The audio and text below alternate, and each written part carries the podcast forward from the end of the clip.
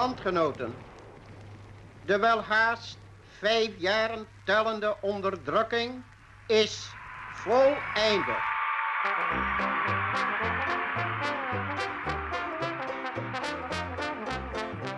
De zomer van 1945. Een serie reportages over vrijheid, wederopbouw en het dagelijks leven in die eerste vreemde maanden na de bevrijding.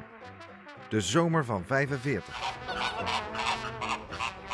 Toen we terugkwamen was er één levend beest in het park. En dat was een uh, schildpad. Die schoof in de buurt van het aquarium nog in de ronde. Dus dat, uh, nou, zeggen, hé, hey, je hebt de oorlog overwonnen.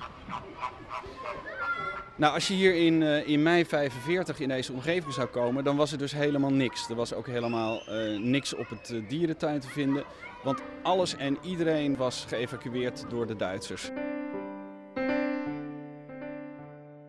Ja, ik ben Bram Ouwehand. Ik ben de zoon van C.W. Ouwehand, geboren 1915 en sinds 51 directeur-eigenaar van Ouwehands Dierenpark. We kwamen hier toen terug en gingen we natuurlijk meteen de inspectie uit. Toen bleek dat er uit het olifantenhuis een stroom van ongeveer een meter breed larven naar buiten leven. De olifanten die lagen te, te rotten en te verteren. En toen kwam de brandweer kwam erbij. En die zei van ja, dat, kunnen we zo niet schoonmaken, we steken de boel in de brand. Dat heeft, mijn vader heeft hem met veel moeite geprobeerd om dat tegen te houden. Nou ja, goed, dat hebben we hier, dan weet ik niet meer wie er waren, maar in ieder geval van de brandweer uit, hebben ze NSB'ers opgescharreld. Waar, en die moesten het maar schoonmaken. En die hebben het toen perfect schoongemaakt. Ze hebben er ook gaten gegraven. En de resten van de olifant en van het nijlpad hebben ze daarin gebracht. Ja, het was natuurlijk een vreselijke troep. Uh, het stonk verschrikkelijk. Dus uh, ze stonden met gasmaskers op om te werken. Nou, we staan hier voor de, voor de oorspronkelijke ingang van het, uh, van het park.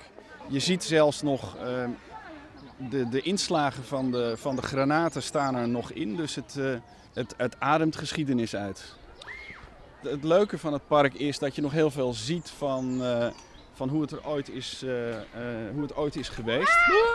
We zien nu ook, we, we, komen langs de, de Afrikaanse savanne met, met giraffen en zebra's. En dat was vlak voor de oorlog was het, was het precies zo. Het is wel in de oorspronkelijke uh, gedachte van, van Cornelis Ouwehand dat het open verblijven zouden zijn waarin je de dieren kon zien zoals je ze eigenlijk ook in het wild zou, zou tegenkomen. Dus niet met tralies. Het was eigenlijk een bos met wilde dieren waar je doorheen liep.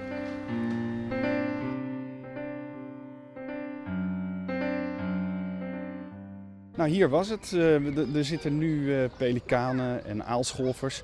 Het is een grote vijver waar, uh, waar vlak voor de oorlog duizend krokodillen rondzwommen. Het waren er niet helemaal duizend, maar dat was voor reclamedoeleinden was dat natuurlijk wel zo, zo aantrekkelijk.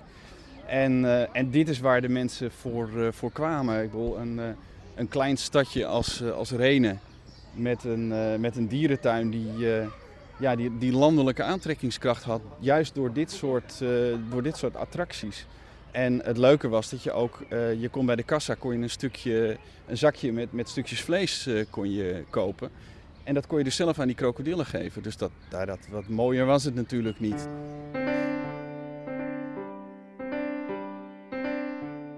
In februari 45, toen uh, het hele gebied was hier geëvacueerd. En, maar de Duitsers die, uh, waren bang dat de geallieerden uh, de Nederrijn zouden oversteken, hier gevechten zouden ontstaan en die wilden iedereen weg hebben. Uh, dus de heel Renen was al geëvacueerd. Er waren tijdens de oorlog nog mensen achtergebleven om hier voor de dieren te zorgen. En ook die mensen wilden ze nu weg hebben. Nou, dat was natuurlijk grote paniek, want wat doen we met die dieren? Die wilden ze niet achterlaten, dus ze hebben zoveel mogelijk dieren die ze mee konden nemen, hebben ze meegenomen en zijn in een karavaan de bossen ingetrokken zonder eigenlijk te weten uh, waar het allemaal naartoe zou leiden. Nou, dat was natuurlijk een gigantische puinhoop, want het is een hele bosrijke omgeving en ze trekken de bossen in, ja eigenlijk zonder te weten waar ze die avond zouden gaan overnachten. En uh, toen op een gegeven moment is Bram Ouwehand, de zoon van Cornelis Ouwehand, die is met de Duitsers gaan onderhandelen. En die heeft een plek uh, gevonden in de panterfabrieken in Veenendaal. Daar mochten ze tijdelijk zitten. In de, in de fabriekshallen werden professorisch wat, wat schotten neergezet en daar werden de dieren dan, dan ondergebracht. En van daaruit zijn ze gaan zoeken naar een geschikte locatie. En na een aantal weken zoeken hebben ze die gevonden in, in Doorn, op het landgoed Heidepark. En ja, daar hebben ze eigenlijk uh, prins heerlijk gezeten tot, tot het moment dat Nederland bevrijd werd.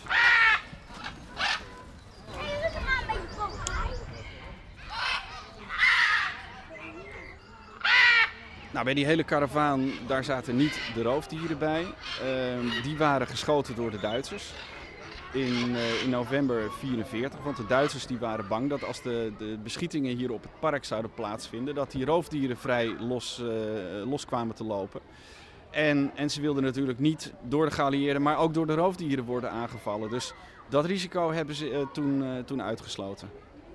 Dat was de tweede keer dat hier op het park de, de dieren moesten worden geschoten. Want ehm, de eerste dag van de oorlog, 10 mei 1940, uh, toen hadden de, de, Nederlandse eh, legerleiding om dezelfde reden besloten dat de dieren moesten worden geschoten. Dat heeft toen uh, Cornelis Ouwehand zelf gedaan. hij had niet zo heel veel vertrouwen in de schietkunsten van, van Nederlandse militairen. En hij zelf was wel een heel goed schutter, dus dat heeft hij toen gedaan. En ja, dat was toch een stuk lastiger dan hij van tevoren had, had kunnen verzinnen.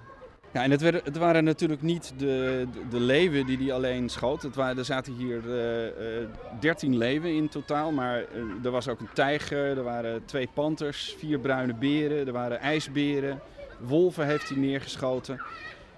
Ja, dat ging hem ook heel erg aan het hart.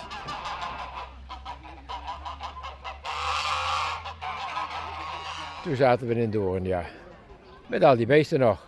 Die zijn dan uh, in ongeveer juni zijn ze teruggegaan naar Renen toe, nadat we eerst gekeken of dat het ging. Maar uh, uiteindelijk de stallen waar ze in moesten, dat was, uh, dat was er wel. En toen kwamen we hier weer terug, dus dat hebben ze nou ja, gedaan. En op een gegeven moment kregen we ook onze dieren die we gebracht hadden naar Rotterdam en uh, Rotterdam Blijdorp en Artes. Dus zodoende hadden we wel wat dieren om de mensen te ontvangen. Maar ja, dat deden we alleen maar op de weekenden. En uh, de mensen die betaalden wel gewoon een entreeprijs.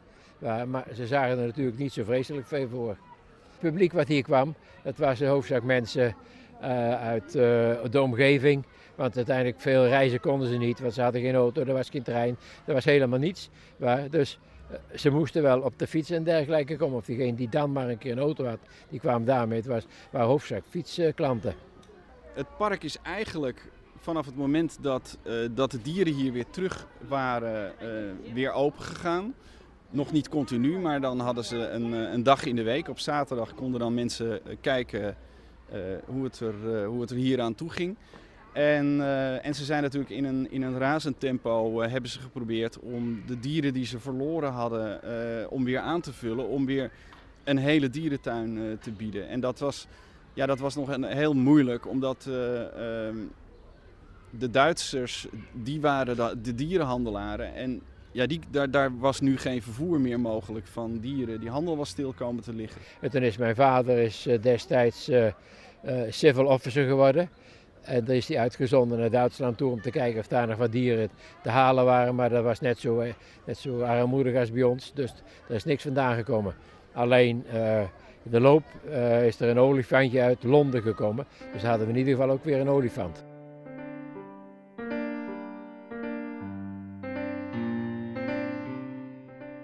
Mijn vader heeft eh, destijds een boekje geschreven over de oorlogstijd.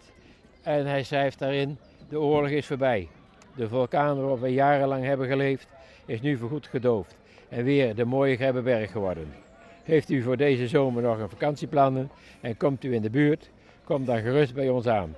Er is nog genoeg interessants om een uitstapje naar Renen de moeite waard te maken. De mensen die in die, in die periode uh, vlak na de oorlog naar het dierenpark kwamen om, uh, om de dieren te zien, die hadden, die hadden ook vaak wel een dubbele, uh, een dubbele reden om te komen. Omdat hier een paar honderd meter verderop is de, de erebegraafplaats van, van alle soldaten die zijn omgekomen tijdens de slag om de Grebbeberg. En dat was natuurlijk ook een, een attractie, ook in die tijd, wat, wat mensen wilden zien. Want, want hier hadden de gevechten zich afgespeeld en de Grebbeberg was in heel Nederland een, eh, een begrip. Dus ehm, de ouders gingen dan eh, naar de erebegraafplaats en dan daarna met de kinderen naar de, naar de dierentuin.